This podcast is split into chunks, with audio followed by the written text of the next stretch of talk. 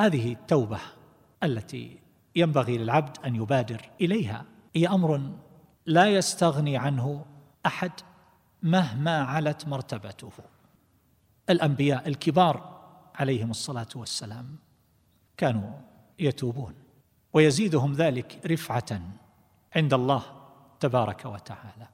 فالتوبة أيها الأحبة كما يقول الحافظ ابن القيم هي أول المنازل وأوسطها وآخرها فيستصحبها العبد من أول حياته إلى آخرها فلا يفارقها بحال من الأحوال إلى أن يلقى الله تبارك وتعالى فهي بداية العبد ونهايته وحاجته إليها في غاية الضرورة ابتداء وانتهاء وما بين ذلك. والله عز وجل يخاطب جميع أهل الإيمان بلا استثناء وتوبوا إلى الله جميعا.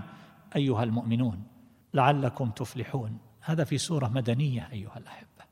بعد ما ارتاضت النفوس بالإيمان خاطبهم بذلك. خاطب خيار الخلق أن يتوبوا إليه.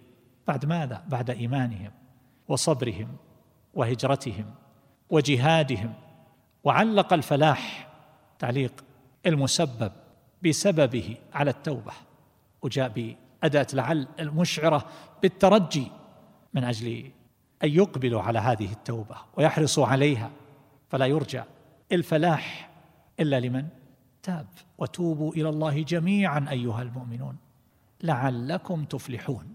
وكما سبق في بعض المناسبات أن الحكم المعلق على وصف يزيد بزيادته وينقص بنقصانه.